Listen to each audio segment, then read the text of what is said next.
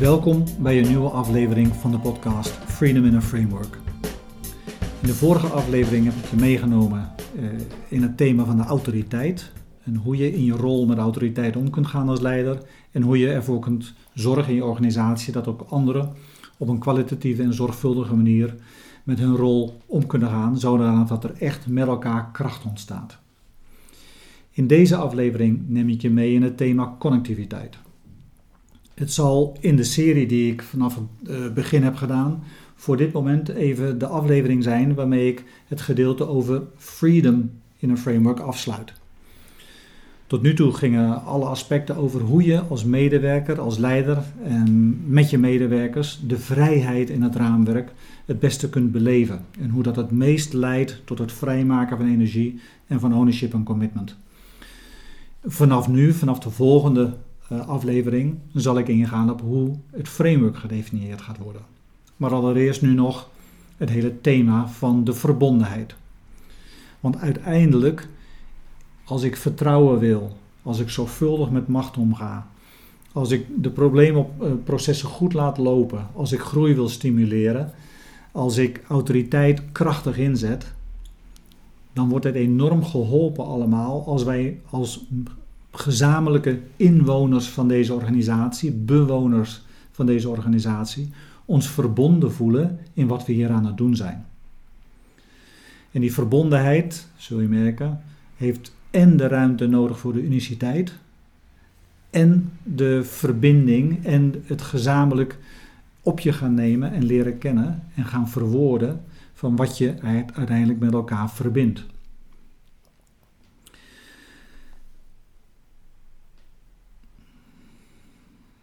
Er zijn opnieuw twee krachtenvelden die van belang zijn als je werkt aan het genereren van verbondenheid tussen mensen. Aan de, aan de ene kant, enerzijds is het van belang om te werken aan de gezamenlijke noemer, de gezamenlijkheid in de purpose en het belang.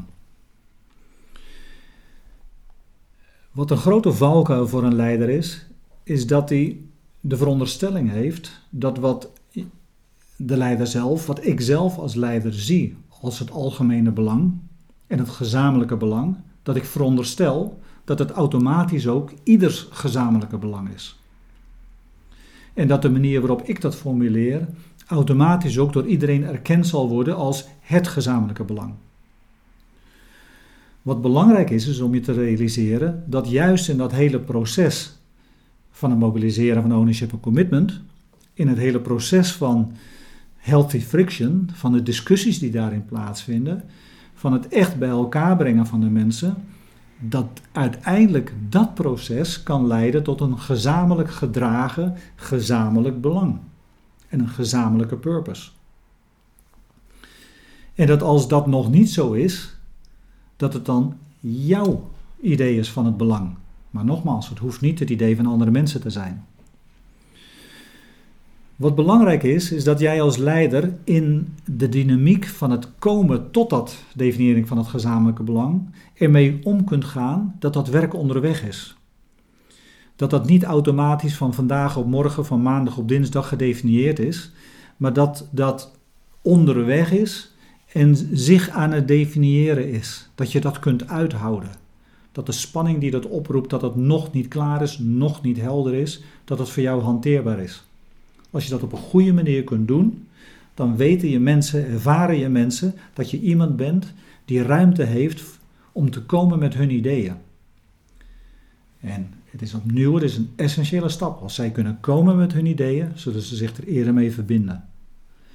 Maar als jij je opstelt alsof jij al lang weet wat het algemene gezamenlijke belang is, en daar hoeven we überhaupt niet meer over te hebben, geen gesprek meer over en zo is het, dat je daar rigide in bent, ja, dan zullen mensen zich niet met jou verbinden. En aan het andere uiterste, op het moment dat je niet daarmee bezig gaat en dat dus een heel soort van zwak, uh, ongedefinieerd algemeen belang hebt, zullen mensen zich stuurloos voelen. En zullen mensen zich ook nergens aan kunnen verbinden met jou of met elkaar. Om te komen tot dat gezamenlijk gedragen algemene gezamenlijke belang, is het nodig om onderweg open te zijn voor ieders eigen belangen. Zowel als mens als als medewerker. En dat je dat proces daadwerkelijk ruimte voor hebt. En dat is echt een mega proces als leider. Dat is echt niet eenvoudig. Zeker niet in grote organisaties met veel mensen. Dat vraagt een hele zorgvuldige procesvoering om dat niet te laten ontsporen. Maar tegelijkertijd, ik kan me voorstellen als je de vorige podcastafleveringen geluisterd hebt, dat het je duidelijk is geworden hoezeer het helpt op het moment dat je daar ruimte hebt voor mensen om daarna te luisteren. Dat je daar ontvankelijk voor bent. Natuurlijk niet in een mate van ontvankelijk dat het totaal open voor je staat. Want het is wel zo dat jij de verantwoordelijkheid hebt uiteindelijk in je rol, de autoriteit in je rol, om te bewaken dat die organisatie verder komt in het realiseren van groei en resultaten. Dus dat betekent dat je op een gebalanceerde manier er en open moet zijn en gereserveerd in moet zijn aan datgene wat anderen brengen. Daar moet je tussen kunnen spelen. Maar niet te gereserveerd in zijn en opnieuw alleen maar weer vanuit je eigen werkelijkheid werken. Want dan ervaren mensen dat jij geblokkeerd bent voor hun ideeën en inzichten. Nou, op het moment dat je zowel in je streven naar het algemene belang als in het, in, in het daarin opnemen van ieders ideeën een balans kunt vinden, zul je merken, dan komen er vier gedragingen naar voren die daarin enorm behulpzaam zijn.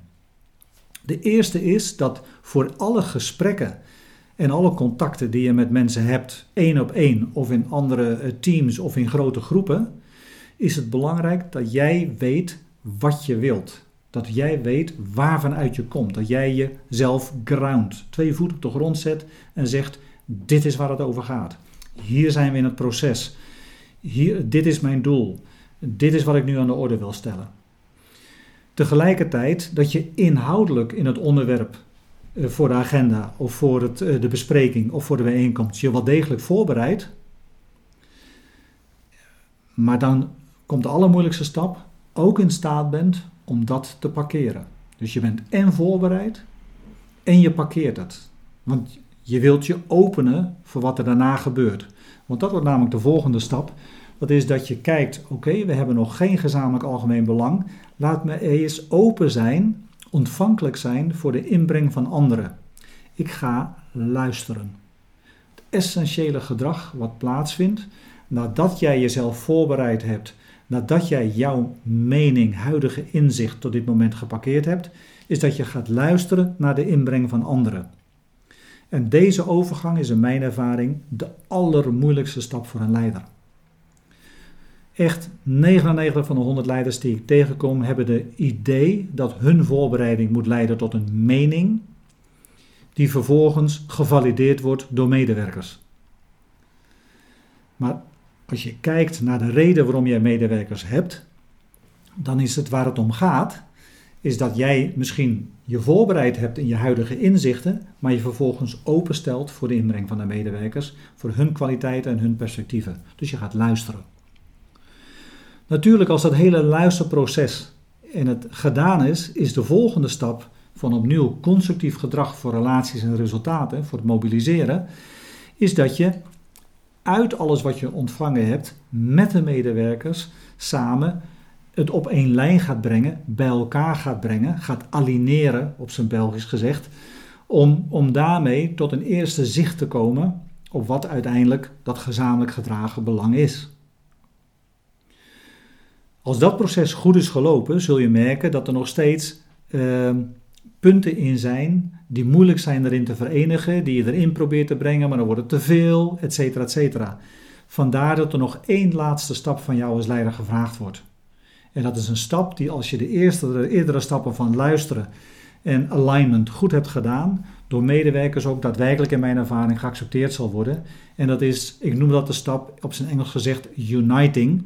Dat wil zeggen dat jij uit hetgene wat op dit moment tot nu toe geformuleerd is, de eenvormige boodschap, eenvormige conclusie destilleert van dit is ons gezamenlijk algemene belang waarmee we verder voorwaarts gaan.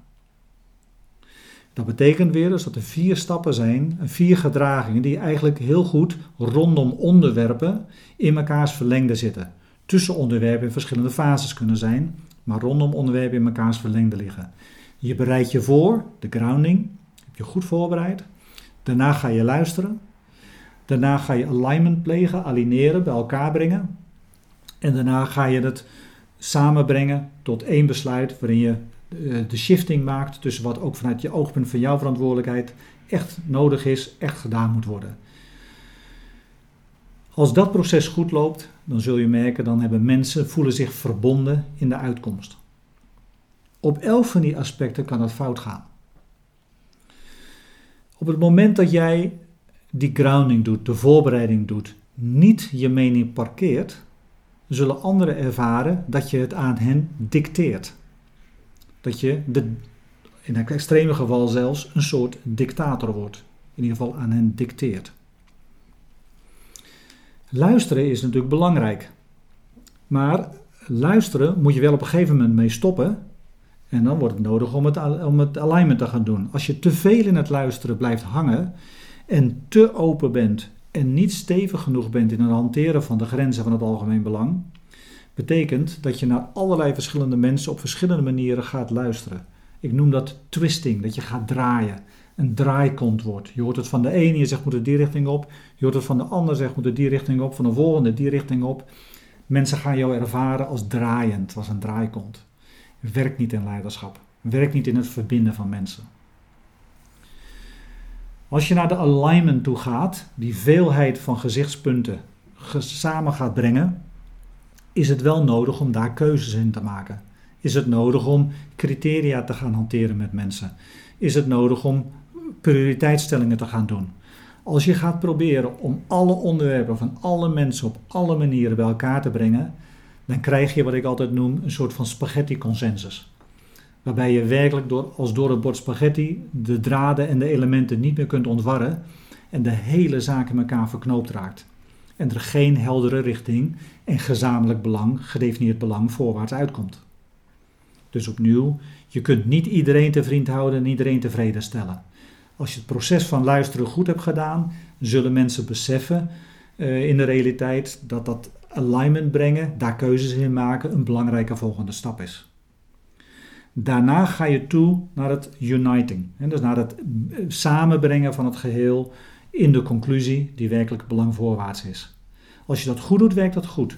Maar als jij dat doet op een manier waarbij jij niet goed luistert naar wat anderen hebben ingebracht, maar waarbij je praat alsof je weet wat voor de anderen belangrijk is, dan word je, op zijn Engels gezegd, patronizing. Dan word je een schaapherder.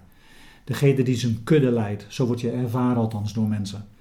Als de goede vader, de goede moeder, die weet wat nodig is voor de anderen. Mensen hebben het echt nodig dat in de, het samenbrengen van een conclusie zij ook kunnen herkennen in welke mate hun inbreng is gerespecteerd daarin. Op deze manier, als je deze vier gedragingen zo voortzet, dan, uh, is dat op, dan wordt het heel zorgvuldig. Uh, en worden, gaan mensen ook daadwerkelijk met je mee. Op deze manier, als je deze gedragingen alle vier zorgvuldig stap voor stap toepast, zul je ook met elkaar die groep met je meekrijgen. Ik kan je twee voorbeelden geven waarin het ook uh, daadwerkelijk ontspoorde. Het eerste is dat ik inderdaad met een groep aan tafel heb gezeten, waarbij de leider van de groep uh, bezig was met een uh, marktverkenning en een keuzeproces over productmogelijkheden voor nieuwe innovaties die ze wilden gaan doen in, namens het bedrijf om mee in de markt te gaan komen. En uiteindelijk werd hij zelf zo enthousiast van alle ideeën dat hij alles wilde gaan doen. En dat hij uiteindelijk alles tot prioriteit heeft verheven. En vervolgens kon je zien dat iedereen met zijn handen in het haar zat en ze volledig, inderdaad als een bord spaghetti, door elkaar heen zaten te praten over wat prioriteit zou moeten krijgen. En niemand wist het meer. Het andere voorbeeld is op dat gebied van zeg maar, het beste voor hebben met en de schaapherder zijn dat jij weet wat de anderen nodig hebben in je organisatie. Dat was de situatie waarbij de leider eh, aan, aan, het begin van een vergadering met een belangrijk onderwerp eh, rondom de strategie, een keuze in de strategie, tegen zijn team zei: Nou, weet je, wat mij betreft, ik weet wel wat we hier nodig hebben, zullen we dit en dit maar doen, want dat bespaart een enorme hoeveelheid tijd in het gesprek. En waar hij misschien op dat moment nog dacht: Ik doe dat omdat ik het beste met iedereen voor heb werd het beleefd door mensen als, oh, daar gaat hij weer. Hij dicteert ons weer wat wij moeten doen. En er werd dus ontstond geen verbondenheid in die groep om verder te gaan. Wat je op deze manier hopelijk ziet, is dat opnieuw er een viertal gedragingen zijn die de verbondenheid in een groep mensen eh, echt kan stimuleren. En wat mij betreft zijn deze vier, vier gedragingen rondom het thema van verbondenheid eh, essentieel in het hele proces van het mobiliseren van ownership en commitment. Wat ik tot nu toe in de podcast gedaan heb, in de afgelopen afleveringen gedaan heb, is je meenemen in de freedom kant van Freedom in a Framework. Vooral hoe je als leider om kunt gaan met het involveren van mensen, zodat zij ruimte en vrijheid ervaren om echt tot ownership en commitment te komen. En tot slot van deze serie van afleveringen wil ik je graag daar een prachtig voorbeeld van geven wat mij na aan het hart ligt. Ik ben in een gelukkige omstandigheid geweest dat ik bijna tien jaar met een bedrijf heb kunnen werken aan het ontwikkelen van dit onderlinge vermogen van het mobiliseren van ownership en commitment. Het leiderschap was daar ons altijd ontzettend open voor en ook de medewerkers door de jaren heen hebben daar zeer veel actief in uitgeprobeerd en geleerd. Het voorbeeld wat ik je nu geef is, is nogal wat. Het was op een gegeven moment op een zaterdagmorgen dat ineens in het nieuws kwam dat dit bedrijf verkocht zou worden. Volledig onverwacht. Er waren allerlei embargo's, maar de embargo's waren geschonden en het kwam boem in de krant: dit bedrijf gaat verkocht worden. Wat vervolgens is gebeurd, is dat binnen anderhalf uur na het verschijnen van de eerste kranten, het managementteam met elkaar contact had gehad, onderling had afgesproken dat ze de volgende dag, op de zondag, een bijeenkomst zouden organiseren voor de top 75 van het bedrijf. Elk van de managementteamleden heeft binnen één uur daarna, dus nog voor 12 uur ochtends, met alle uh, 75, elk van hun uh, medewerkers die in die 75, uh, tot die 75 behoorden, contact gehad. En hun uitgenodigd om op die zondag bij elkaar te komen. En op die zondag zijn 74 van de 75 mensen zijn daadwerkelijk bij elkaar gekomen. Op die dag is er een bijeenkomst geweest waarin zij met elkaar verkend hebben wat er aan de hand was, met elkaar doorgesproken hebben wat de issues zijn. Er is naar elkaar geluisterd wat eigenlijk het voor iedereen betekende dat dit, dat dit gebeurde. Er is geluisterd naar de logica van het hele voorstel. Er is geluisterd naar de emoties van het voorstel. Er is ruimte voor mensen geweest om zich erin te uiten. Er is ruimte voor mensen ook geweest met, voor ideeën hoe hiermee om te gaan. En met elkaar door de dag heen hebben deze 75 mensen in een paar iteraties een heel plan gevormd over hoe zij maandagmorgen alle medewerkers van het bedrijf, wat dwars over Europa heen eh, gevestigd is, zouden informeren. En toen eh, zondagmiddag om 12 uur dus bij elkaar gekomen waren, zondagmiddag om 5 uur iedereen weer vertrok, was iedereen geïnformeerd en voelde zich toegerust en voelde zich gehoord in hoe dat zou moeten gebeuren. Voor mij is dit, deze ervaring en deze middag het ultieme voorbeeld geweest wat je kunt doen als bedrijf als je zoveel jaren investeert in dat hele proces van het creëren van verbondenheid. In het, creëren, in het proces van het omgaan, zorgvuldig omgaan met, je, uh, met de autoriteit, problemen kunnen oplossen. Een, een bedrijf wat ultiem gewend was geraakt om met frictie te leven en die frictie ook daadwerkelijk naar elkaar toe uit te spreken en op een constructieve manier daarover de feedback en de confrontatie aan te gaan. Uh, kortom, dit was een groep van mensen die dat proces uit en daarna gewend was geraakt. En als gevolg daarvan waren ze zelfs in zo'n stress- en crisissituatie in staat om onmiddellijk te reageren, op de zondag bij elkaar te komen, ruimte te hebben voor elkaar, eind van de middag beslagen te, te te zijn en maandagmorgen al hun medewerkers van het totale bedrijf te kunnen informeren. Met dit voorbeeld sluit ik dit deel van de podcast af. Vanaf de volgende aflevering zal ik veel meer ingaan op de framework kant van Freedom in a Framework. Wat zijn frameworks eigenlijk? Waarvoor zijn ze nodig? Uh, hoe bouw je ze op? En wat zijn eigenlijk de essentiële frameworks die je nodig hebt om het mobiliseren van ownership en commitment nog verder te stimuleren en bevorderen? Dankjewel.